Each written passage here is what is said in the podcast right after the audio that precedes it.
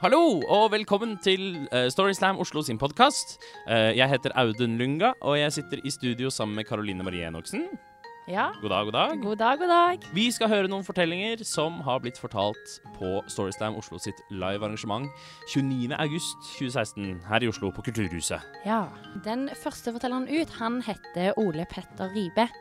Å ja, det var han som fortalte om sitt første kyss. Ja, det var det. Du spør om uh, når jeg fikk mitt første kyss. Morsomt uh, at dere spurte. Jeg har nemlig en fortelling på det. Vi skal tilbake på folkehøyskolen. Et eldorado for late bloomers og de med vansker. For å snakke med ladies. Jeg, jeg var 19, ukysset, og hadde jo lest om disse begrepene love, flirt and the old dirty dirt i mine mors magasiner og i Korinterbrevet 14. Definisjonen Det skulle vært kjærlighet ved første øyeblikk og en følelse som bare kan visualiseres ved å kaste glitter i været. Stearinlysene skulle vært tent, jeg skulle vært spent, og det skulle ikke vært sent, men akkurat passelig kveldsstemning. Det var slik det skulle vært. Slik det ikke skulle vært. Ah, jeg skulle ikke vært så tent selv at ståtissen min syntes godt nok. Uh, lysene i bygget skulle ikke gått, uh, og jeg skulle ikke vært så nervøs at jeg hadde tissa litt på meg. Men ikke vått nok til at det var synlig usexy. Klokken skulle ikke vært 02.30, og slik at jeg var så trøtt at jeg ikke hadde noen intellektuelle kommentarer å tilføre, men heller begynte så smått å gjespe, som ikke akkurat roper 'interesse'. Det skulle vært som i Casablanca. Hun skulle tatt på seg sin magentafargede leppestift, som jo demper kinnene, eller som rødfargen i kinnene hennes. Den leppestiften vi eh, sammen hadde brukt tre timer på å finne fram til på MAC. Og alle trodde jeg var hennes gay friend bare fordi jeg var med å bestemme og kanskje levde meg litt mye inn i det. Jeg skjønner ikke. Istedenfor hadde hun tatt av seg sminken, tatt ut gommen, lagt seg under dyna og reagerte ikke akkurat med glitter i været da jeg ydmykt og litt uggent banket på døren hennes. Veldig sent. Hun åpner opp, kommer ut i gangen, mobillyset tennes, jeg blendes og gir ikke fra meg et akkurat mandig ah! Nei! Og jeg sier hei. Eller eh, I mean hei. I meant to talk to you today. For ja, hun var eksotisk and English. Men jeg hadde helt glemt bort at eh, det er over gjennomsnittet vanskelig å være erotisk på Norwenglish. Jeg tenkte ikke helt klart den kvelden. Eh, jeg hadde litt lite blod i hodet. Jeg vet ikke hvor eh. So yeah. Well Your, your face looks different without the makeup on.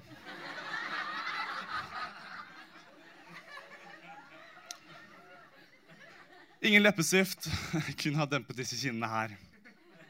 Og Etter en dialog som føltes som en blodfattig episode av Home and Away, kryssen med Carl og Co., så dro jeg på og tenkte nei, veit du hva? Det fins flere fisk i havet, og denne fisken her, hun har pupper og Pupper og hun digger tydeligvis nervøse feminine gutter, så hvorfor ikke bare ignorere der det butter, da? Og gjøre som Mike Tyson og slå til? ok. Ok, Jeg er kanskje ikke den beste på gode sammenligninger, men tro meg når jeg sier at det neste som skjer, er som når du plutselig velger å melde deg ut av statskirka. Um, du tenker det er spontant og en crazy, litt sånn morsom idé der og da, men det kommer som regel til å gå til helvete.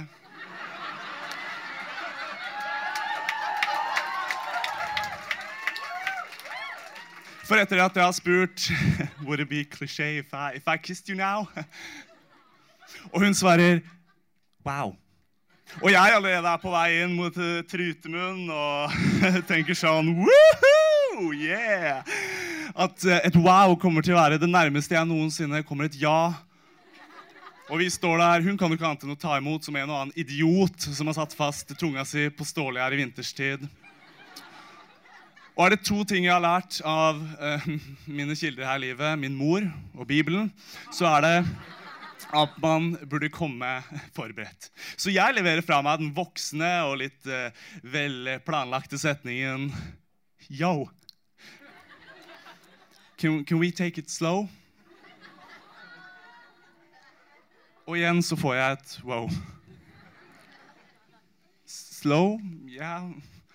Yeah, we, we, we can take it slow.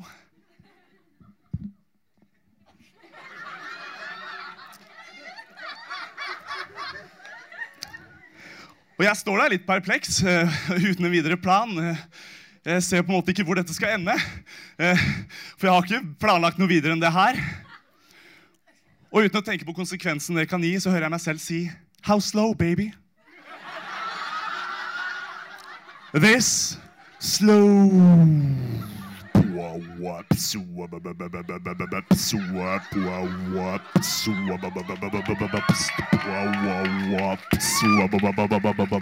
og jeg ser nedover gangen, og det er kanskje litt lenger til døra enn det jeg regner med. Og begynner å tenke, dette er kanskje ikke en råbra idé, Ole P.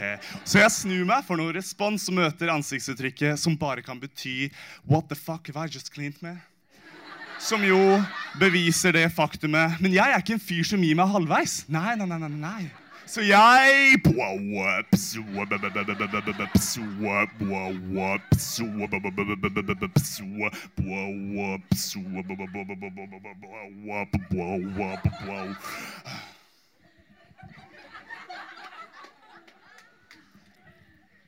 Dere kan si jeg fikk viljen min den kvelden. For det, det her. Veldig sakte. Men som mamma og Bibelen sier, det er bedre å to, slå to fluer i en smekk, si. Enn ingen. Men ikke visste jeg at det skulle bety å få sitt første og siste kyss på den samme kvelden. Takk for meg. Det var hyggelig å kle seg følelsesmessig naken for dere. Ja, det var altså Ole Petter Ribe. Ja. Det var jo romantisk og kleint og forferdelig. ja. Ja. Men det var veldig god stemning i publikum, da. Ja. Ja. Men det passer jo litt bra, for den neste fortellingen er jo også en litt romantisk fortelling, er det ikke det? Det er jo. en sånn kjærlighetspodkast, dette her. Det er det nemlig. Ja. Neste forteller var nemlig Helle Gannestad. Og hun fortalte oss jo om når hun eh, ja, ikke fikk klint som hun hadde lyst, på ungdomsleir. en Eh. følelse mange av oss kjenner oss igjen i. Ja, kanskje spesielt du. Er midt i en flytteprosess. Eh, Det, rommet mitt er fylt av esker og skrot og gammel dritt og ny dritt. Og ja, dere er sikkert kjent med det helvete det er å flytte. Men eh, det er òg ganske fint, fordi plutselig så dukker det opp minner som en hadde glemt.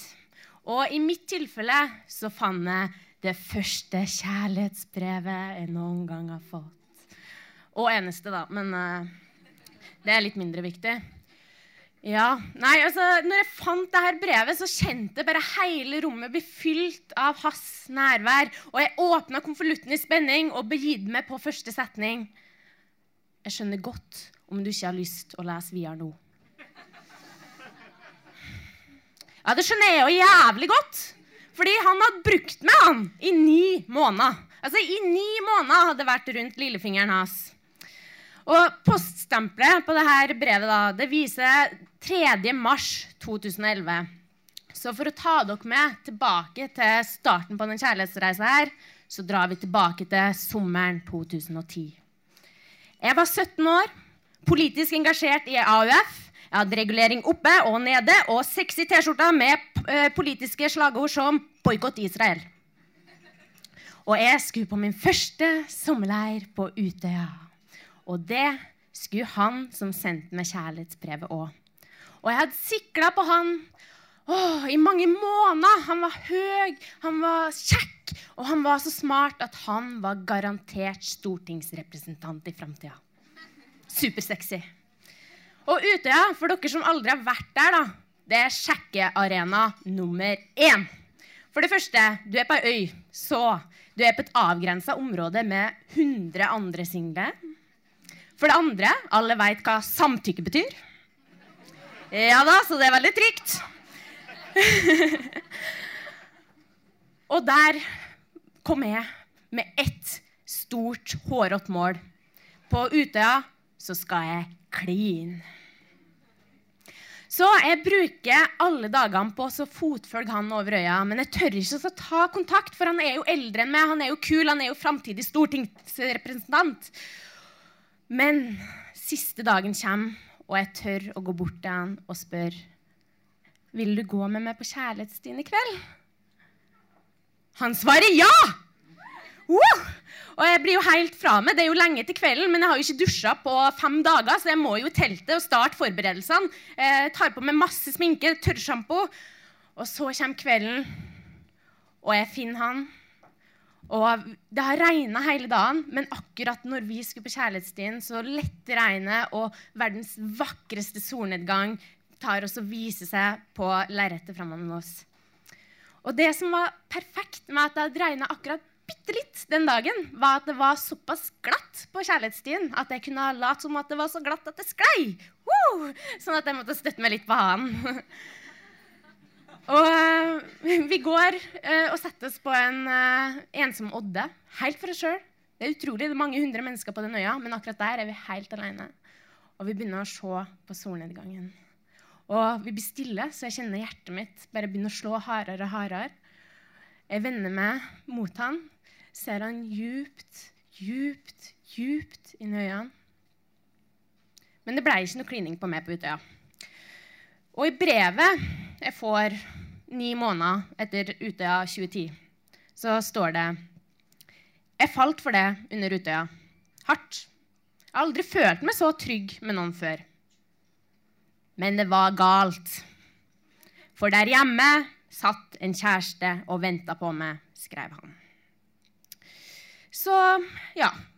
Leiren er over. Jeg drar hjem til Møre og Romsdal. Han drar hjem til sitt anonymiserte fylke. Eh, og vi fortsetter å holde kontakten. Til tross for at han har kjæreste, så sitter jeg oppe natta lang og venter på at han nudger meg på MSN, sånn at jeg får den oppmerksomheten jeg fortjener. Jeg venter på at han liker det nye profilbildet mitt som er tatt fra akkurat den vinkelen som vi satt sammen i solnedgangen. Men det kommer jo ikke til å bli noe. Jeg innser jo at jeg har en sånn obsession som ikke er bra i det hele tatt. Så når jeg blir invitert i en fest på, i Oslo et halvt år etter Utøya-leiren, og han er der òg, så bestemmer jeg meg for at jeg skal gjøre det sjalu. Så jeg gjør det enhver moden kvinne ville ha gjort.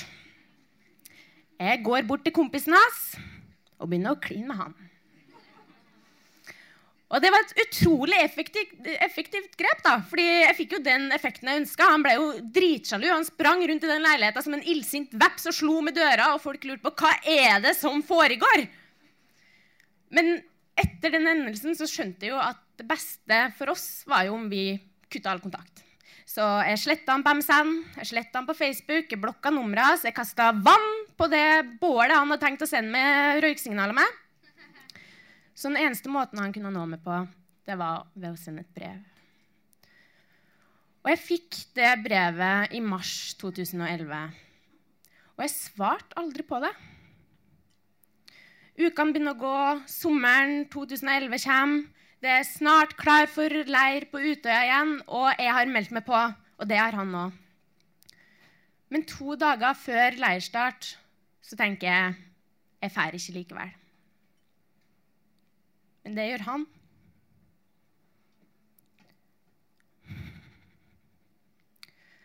Tre dager etter 22. juli, 25. juli skriver jeg til han på Facebook-chatten. Det som har skjedd mellom oss, blir så utrolig lite i sammenligning. Jeg er så glad for at du lever.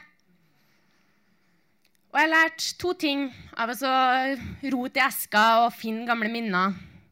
For det første, livet er altfor kort til å ha noe uoppgjort mellom venner. For det andre, får du et kjærlighetsbrev på fem sider, da svarer du! Hallo! Så det Ja, takk for meg. Takk til Helle Gannestad, som var så modig å dele sin fortelling. Ja. Og det kan du òg gjøre. Hvem jeg? Eh, nei, du som hører på. Oh, ja, okay. Eh, kan òg få lov å dele dine historier med oss. Eh, på f.eks. neste livearrangement på Neste Kulturhuset. livearrangement på Kulturhuset er den 19. september. Mandag 19. september klokken åtte. Ja. Kom! Gå, Kom. gå mann av huset. ja. For Oi. å plutselig snakke som på 1950-tallet. eh, og se forestillingen vår. ja. Men så skal vi også ha et supershow på, i november. 28. Ja. november. Det skal vi ha, vet du. Vi gjentar datoen. 28. november 28. november skal der, vi altså. ha en grand slam Yeah. på Rockefeller, av alle steder. Ja.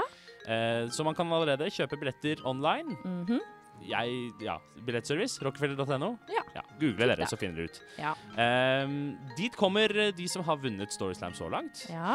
Eh, så det blir rett og slett en eh, konkurranse om å bli mesternes mester. ja. Mm. Det blir dritkult. Yes. Yes. Hva skal man gjøre hvis man har lyst til å fortelle en fortelling selv? Hvis du har lyst til å fortelle en fortelling sjøl, så syns jeg at du skal finne oss på Facebook eh, og sende oss en melding der. Mhm. Eh, eller så kan du sende oss en e-post på storyslamoslo.gmail.com. Eh, og så arrangerer vi òg workshop som du kan komme og være med på. Så kult. Ja. Ehm, ja. Ellers så oppfordrer vi alle til å følge oss på Facebook uansett. Ja. Og på Instagram. Ja. Og på Twitter. Og Nettby. Og Nettby. Og ja, den samme vitsen som i forrige podkast. Ja. med det sier vi tusen takk. ja. Ha det bra.